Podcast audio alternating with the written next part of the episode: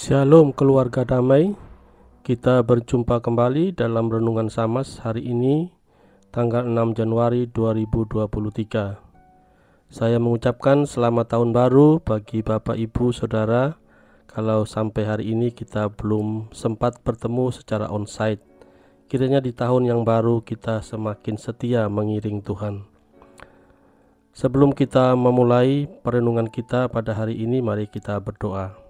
Bapa di surga, kami bersyukur untuk hari ini. Tuhan masih memberi kami kesempatan untuk merenungkan firman Tuhan di awal tahun yang baru ini. Berkatilah ya Tuhan waktu perenungan kami dari awal sampai pada akhirnya nanti. Di dalam nama Tuhan Yesus kami berdoa dan memohon. Amin. Renungan kita pada hari ini diambil dari Matius pasal 2 ayat 1 sampai 11. Matius pasal 2 ayat 1 sampai 11. Namun saya hanya akan membacakan bagi Bapak Ibu Saudara sekalian dari ayat 3 sampai 5 dan 9 sampai 11. Demikian. Ketika Raja Herodes mendengar hal itu, terkejutlah ia beserta seluruh Yerusalem. Maka dikumpulkannya semua imam kepala dan ahli Taurat bangsa Yahudi lalu dimintanya keterangan dari mereka di mana Mesias akan dilahirkan. Mereka berkata kepadanya, "Di Bethlehem, di tanah Yudea, karena demikianlah ada tertulis dalam kitab Nabi." Setelah mendengar kata-kata raja itu, berangkatlah mereka dan lihatlah bintang yang mereka lihat di timur itu mendahului mereka hingga tiba dan berhenti di atas tempat di mana anak itu berada. Ketika mereka melihat bintang itu, sangat bersukacitalah mereka. Maka masuklah mereka ke dalam rumah itu dan melihat anak itu bersama Maria ibunya, lalu sujud menyembah dia. Mereka pun membuka tempat harta bendanya dan mempersembahkan persembahan kepadanya, yaitu emas, kemenyan, dan mur. Sobat Samas yang terkasih, bacaan kita hari ini memperlihatkan secara gamblang bagaimana para tokoh dalam cerita ini memberikan respons yang berbeda-beda terhadap kelahiran Tuhan Yesus. Ada tiga tokoh yang digambarkan responsnya dalam cerita ini. Tokoh pertama adalah Raja Herodes, tokoh kedua adalah para ahli Taurat, dan tokoh yang ketiga adalah orang Majus. Tokoh pertama yaitu Raja Herodes. Ketika Raja Herodes mendengar bahwa ada raja orang Yahudi yang akan lahir, ia merasa sangat terkejut. Kemudian dengan kepanikannya mengumpulkan para ahli kitab untuk meminta penjelasan. Setelah mendapatkan penjelasan, maka dengan naluri kelicikan dan kebengisannya, ia meminta orang Majus untuk kembali kalau mereka sudah menemukannya agar ia juga bisa pergi menyembahnya. Padahal itu adalah siasat liciknya semata. Syukurlah Tuhan melindungi Yesus kecil itu dengan mencegah orang Majus kembali kepada Herodes. Tokoh kedua adalah para ahli Taurat.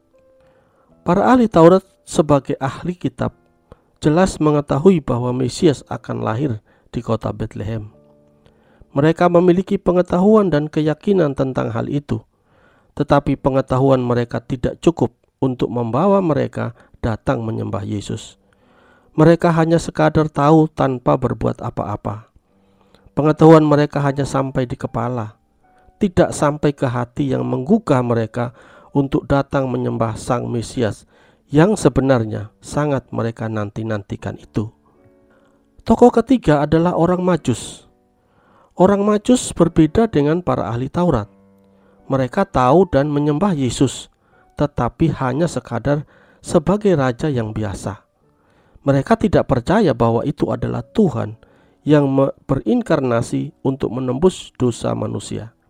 Penyembahan mereka sekadar sebagai pengabdian terhadap ilmu pengetahuan yang mereka yakini kebenarannya, bukan pada raja yang mereka sembah yang adalah raja di atas segala raja.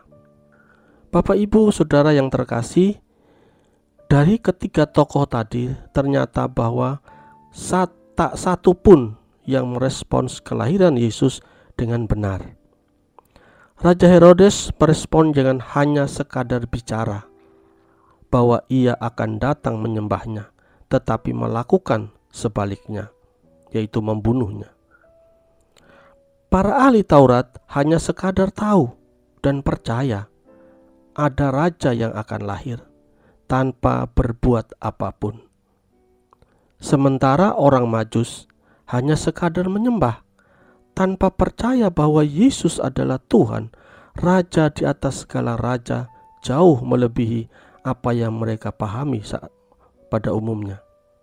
Jadi, ketika tokoh tersebut hanya sekadar bicara, sekadar percaya, dan sekadar menyembah tanpa pengetahuan dan iman yang benar yang menuntun mereka untuk menyembah Yesus. Sobat Samas yang terkasih, bagaimana dengan kita? Apakah kita termasuk salah satu dari ketiga tokoh tadi? Mungkin kita seperti Herodes yang hanya sekadar bicara akan menyembahnya tetapi melakukan sebaliknya. Bisa jadi kita seperti ahli Taurat yang percaya dan menantikan kedatangannya tetapi tidak datang menyembahnya. Atau kita seperti orang Majus yang sekadar menyembahnya, tetapi tanpa tahu siapa Yesus yang sesungguhnya bagi hidup kita. Karena itu, marilah kita merespons dengan benar.